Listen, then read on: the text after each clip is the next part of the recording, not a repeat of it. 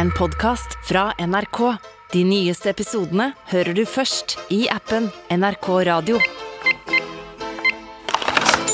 Du har kanskje merka det i kassa på butikken. Den kaffeposen var plutselig blitt mye dyrere. Brødet også. Og ikke minst gulostpakka. Også strømregninga er blitt høyere. Og skal du fylle tanken, koster det nesten 30 kroner literen. Som om ikke det var nok, kom det største renteoppet på to tiår. Hva er grunnen til at alt bare blir dyrere og dyrere? Du hører på Oppdatert. Jeg heter Gry Veiby. Den situasjonen vi står i nå, den er jo helt unik. Vi har jo ikke sett denne typen prisvekst som vi har hatt nå eh, kanskje det siste halve året. Vi ser prisene på mat, strøm, bensin. Og du merker det jo selv når du står på bensinpumpen og du fyller opp i bilen og du måtte trykke litt og så litt til, og så to liter til, fire liter til. Og taksameteret bare går på den pumpen. Og det er sånn som folk virkelig merker rett inn i lommeboken. Og har jo gjort også at eh, veldig mange nordmenn har blitt mye mer pessimistiske i forhold til sin egen økonomiske fremtid. Cecilie Langebekke, du er økonomikommentator her i NRK. Og det at alt nå øker i pris, er det noen som kan stoppe det? Ja, altså sentralbanken sitter på mye av nøkkelen. Det er de som setter eh, renten. Og hvis du ser på norsk økonomi da, som en, eh, når du skal lage suppe, så vil du ikke at den skal eh, koke over. Da blir den ødelagt. Og så vil du heller ikke at temperaturen skal være så lav at den aldri blir ferdig. Sånn at Sentralbankens jobb det er jo på en måte å holde en sånn småputring på gang. Nå er vi jo på et punkt der hvor suppen er i ferd med å koke over. Hjulene i norsk økonomi går kjemperaskt. Arbeidsledigheten er lav, og det er høyt press i økonomien. Så da må vi skru ned temperaturen, og det gjør man ved å sette opp rentene. Og alt trøbbelet vi ser nå, med høye bensinpriser, strømpriser og ikke minst matvarepriser, det begynte med koronapandemien i 2020. Store deler av Norge stenges ned. For en time siden ble de mest drastiske tiltakene i fredstid iverksatt for å kjempe mot koronaviruset. Norge preges altså av strenge koronatiltak. Flere enn 800 er smittet av viruset, og nå skjerpes reglene for dem som er i hjemmekarantene. Norge blir satt på en stor prøve, både som samfunn, men også vi som enkeltmennesker. I denne perioden som vi har foran oss, vil alle få en annerledes hverdag. Over natta var den økonomiske situasjonen snudd på hodet. Ja, Plutselig så, så vi bare ned i et stort, sort hull. Eh, det var plutselig veldig mange som ble permittert. Man så jo butikkene stengte ned, børsene raste. Det var en veldig stor økonomisk usikkerhet. Man visste liksom ikke hvor dette kom til å ende, og på det aller meste så hadde vi jo faktisk 400 000 arbeidsledige nordmenn. Om ikke noe ble gjort, kunne den norske økonomien gå rett vest. Flere sto på randen av konkurs, og folk ville ikke hatt penger til å holde økonomien i gang. Og dette her stressa de dresskledde økonomene i sentralbanken. I det karakteristiske kontorbygget av glass og kobber sto de nå overfor et viktig valg. Hva var det, Cecilie? Altså Nå var denne suppen i ferd med å bli kald, fordi temperaturen på kokeplaten ble skrudd ned på null nærmest over natten. Og det hastet det å få penger inn i økonomien. Folk trengte å bli stimulert til å fortsette å bruke penger. Og da er det egentlig bare én måte å gjøre det på, og det er å sette renten ned. Og det ganske raskt. Men det sentralbanken gjorde, det hadde faktisk aldri skjedd før. Norges Banks komité for pengepolitikk og finansiell stabilitet har besluttet å redusere styringsrenten med 0,25 prosentenheter til 0 etter at sentralbanken satte renta ned på et historisk lavt nivå, fulgte regjeringa på med å gi krisepakker og koronastøtte. Mange som hadde mista jobben, pusta nå letta ut. Men så var det jo fortsatt mange som hadde jobber, og som nå plutselig fikk veldig billig lån. Og det førte til enda en stor endring i norsk økonomi, som ble tydelig utover sommeren 2020. Ja, 90% av oss hadde jo fortsatt full jobb med akkurat den samme lønnen som vi hadde. Og så hadde vi jo mye mindre ting å bruke pengene på. Vi gikk ikke ut og spiste, vi var ikke på teater, ikke kunne vi reise. Så vi begynte å skulle kjøpe ting og tang. Eh, og vi ser jo da at forbruket bare tar seg opp. Og det var jo tomt for teltutstyr på XXL. Vi skulle på norgesferie. sånn at det, vi fikk en helt sånn vill effekt av pandemien som ingen, i hvert fall ikke jeg, hadde sett for seg på forhånd. Med den rekordlave renta begynte nordmenn å snuse på større leiligheter, fetere hytter og finere hus. Folk tok opp større og større lån, og budrundene de gikk som hakka møkk. I en tid med lav rente er det høy aktivitet i boligmarkedet. Ja, aldri før har det vært solgt så mange boliger som i juli i år. Hyttesalget har skutt i været under koronakrisen. Boligprisene i Oslo har steget med 10,4% i koronaåret 2020. Vi reiser ikke noe særlig til utlandet, vi sparer masse penger på det.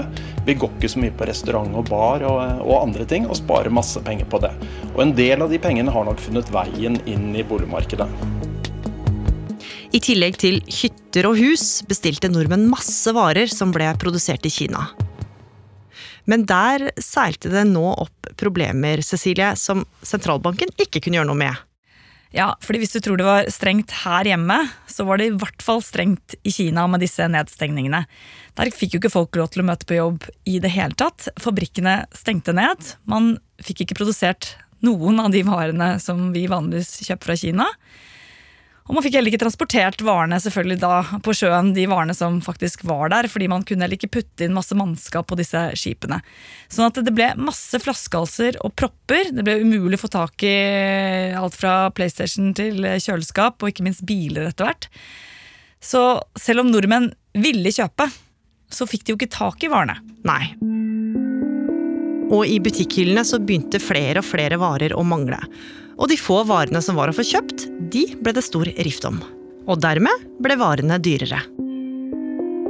Flere bransjer sliter fortsatt med forsinkelser og til dels mangel på varer pga. den globale koronasituasjonen. Når ting begynner å selge seg og gå tomt, så er det vanskelig å skaffe mer vare. Toyota Yaris denne her har åtte måneder leveringstid på. Det er tomt for kylling, ingen bakevarer, glissent i kjøledisken og slunkent med frukt og grønt. Utover 2021 så ble det jo klart at det ikke bare var matvarer og hytter, biler og hus som skulle bli dyrere pga. korona. For nok en gang skulle økonomene i sentralbanken stå overfor en utfordring de ikke hadde noen mulighet til å påvirke. Ute i Europa ulma nok en krise. As industrial economies emerge from the pandemic, demand for energy is soaring, and with it, energy prices. That's angering vulnerable consumers and worrying governments. Fossil fuels, power, costs are exploding, driven by record high demand. Ja, for uten at uh, egentlig noen av oss fikk det med seg, så um, var jo noe i ferd med å skje i Europa. Vi hadde jo for det første begynt å gå over til mer grønn energi. Og det gjør oss så mye mer avhengig av alle andre energityper, som f.eks. gass. As temperatures drop across Europe, the rise in energy prices is beginning to bite. From heating or cooling our homes to cooking our food and making the products we buy, energy, it is at the heart of everything we do. And when prices rise, we all pay for it. Og etter vinteren eh, 2021 så var jo gasslagrene i ferd med å gå tomme, for det har vært en kald vinter. Og så blåste det ikke noe særlig gjennom sommeren, og så regnet det heller ikke så veldig mye gjennom sommeren. Vannstanden i kraftmagasinene i Sør-Norge er nå nær det laveste nivået for årstiden, som noen gang er målt. Og da har du sikkert skjønt at dette betyr at det blir høyere strømpris gjennom vinteren. Vi begynte å se at prisene på strøm her hjemme steg kraftig. Men vi ser også at prisene på gass begynner å stige veldig mye. Og da er vi plutselig midt oppe i en eh, energikrise i Europa høsten 2021. Så ikke bare hadde vi en forsyningskrise, vi hadde også ei strømkrise. Og konsekvensen av det ble at strømregninga mangedobla seg for folk. Jeg går og tenker på det hver morgen jeg står opp. Så tenker jeg fy søren, og nå vet jeg ikke om jeg kan sette på noe mer varme. Selv om jeg fryser, så går jeg og tar på meg en jakke. prisrekord på 4 kroner og 59 øre per kilowattime i Sør-Norge. Men den slags rekorder faller som dominobrikker i disse dager. I morgen mellom 17 og 18 er det ny prisrekord, da med over 6 kroner per kilowatt. Og dette skjer altså i en situasjon med masse arbeidsledighet og mange som har veldig mye dårligere råd enn de hadde før. Jeg er urolig for det som treffer nå mange i hele verden, for dette er et fenomen som går utover Norge, med økte priser knyttet til kraft, økte priser knyttet til mat, økte priser knyttet til mineraler, påvirker arbeidsplasser på et bredt spekter. Tilbake i den ærverdige sentralbanken i Oslo satt økonomene og klødde seg i hodet over hva de skulle gjøre med den nye situasjonen.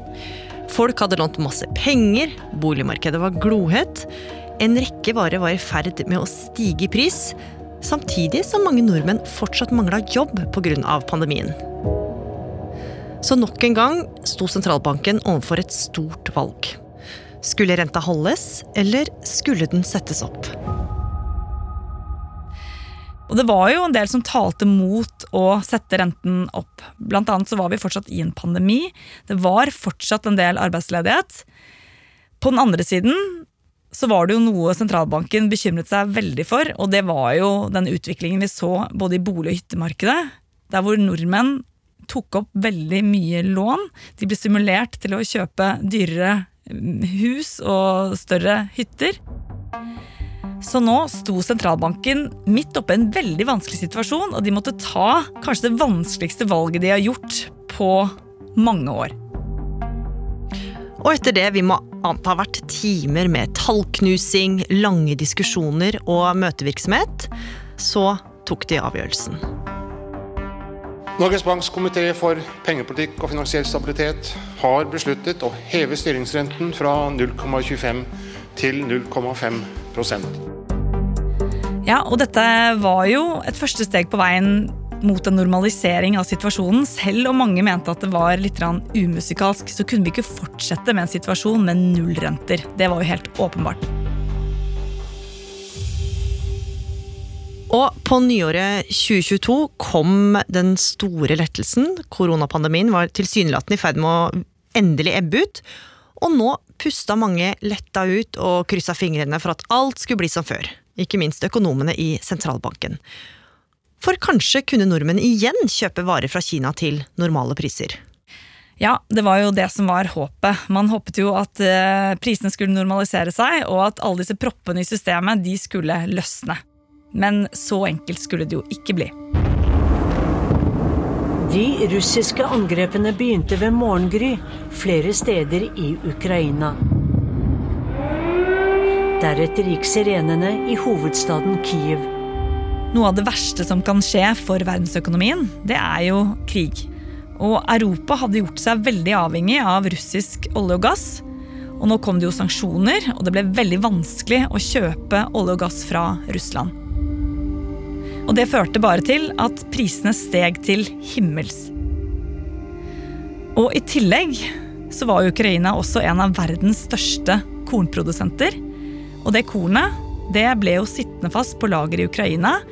Og så begynte vi virkelig for alvor å se, både her hjemme og også ute i verden, at matvareprisene begynte å stige mye. Krigen var et sjokk for økonomien over hele verden, og også her i Norge merka mange at det stramma seg til.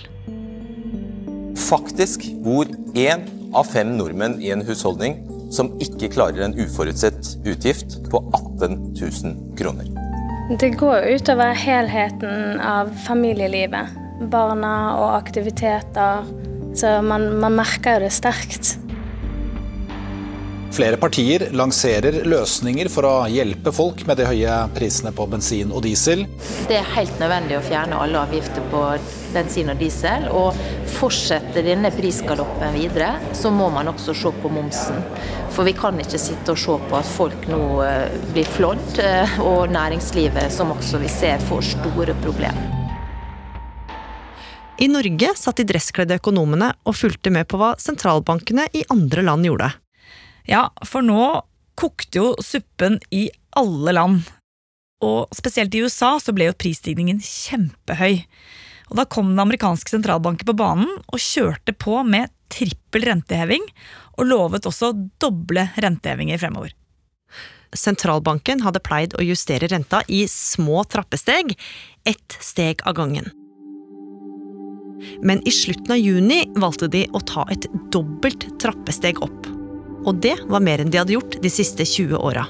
Norges Banks komité for pengepolitikk og finansiell stabilitet har enstemmig besluttet å heve styringsrenten fra 0,75 til 1,25% Slik vi nå vurderer utsiktene og risikobildet, vil styringsrenten mest sannsynlig settes videre opp til 1,5% i august. Cecilie, nå har jo sentralbanken satt opp renta igjen, og vi merker jo her på lommeboka at ting blir dyrere. Hvorfor setter opp renta da? Det er mange som føler kanskje det er litt urettferdig at uh, Norges Bank gjør det enda dyrere for deg uh, når alt er så dyrt fra før av. Men det er jo sånn at vi vil jo ha litt prisvekst i økonomien, men vi vil ikke ha den prisveksten som vi har nå. Og grunnen til det, det er jo at jo fortere ting stiger i pris, jo mindre får du jo igjen for den samme lønnsslippen din. Og da vil jo det igjen føre til at du vil be om enda mer lønn, og så vil prisen stige enda mer, og så har vi en sånn spiral som går oppover. Så det er det egentlig ingen av oss som ønsker oss. Så derfor må sentralbanken inn nå og gjøre noe som gjør litt vondt, for at det skal bli bra på sikt. Og for dem som hører dette her og blir litt engstelig for alt som skal koste mer, hvilket råd har du til dem? Altså det aller viktigste for økonomien din, det er jo hva slags inntekt du har og hvilken jobb du har. Og det arbeidsmarkedet som er nå, det gir deg jo noen kjempemuligheter til å kunne oppgradere lønnsslippen din. F.eks. gjennom å skifte jobb eller gå i direkte lønnsforhandlinger med sjefen din hvis du er så heldig at du kan gjøre det.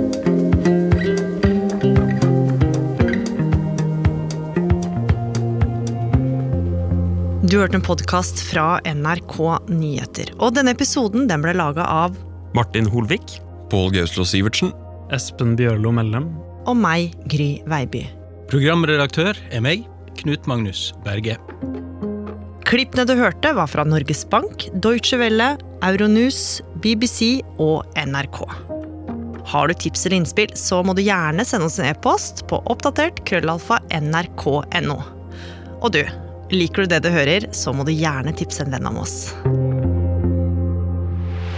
En podkast fra NRK. Vi skal jo snakke sommer. Hva er din perfekte feriedag, Johan? Jeg trenger ikke være så veldig mye ute i sola for at det ser ut som jeg har vært ute i sola. Podkasten Feriestemning, hvor to kjendiser deler sine sommerminner. Men nei, hvorfor har jeg aldri sett deg brun, da? og så driver vi og snakker om gamle sommerforelskelser. Where did it come from? Where did it go? Where did it come from? nye episoder med nye fjes hver dag i hele sommer. Og så må du ha en god sommer, da. Feriestemning hør du nå i appen NRK Radio.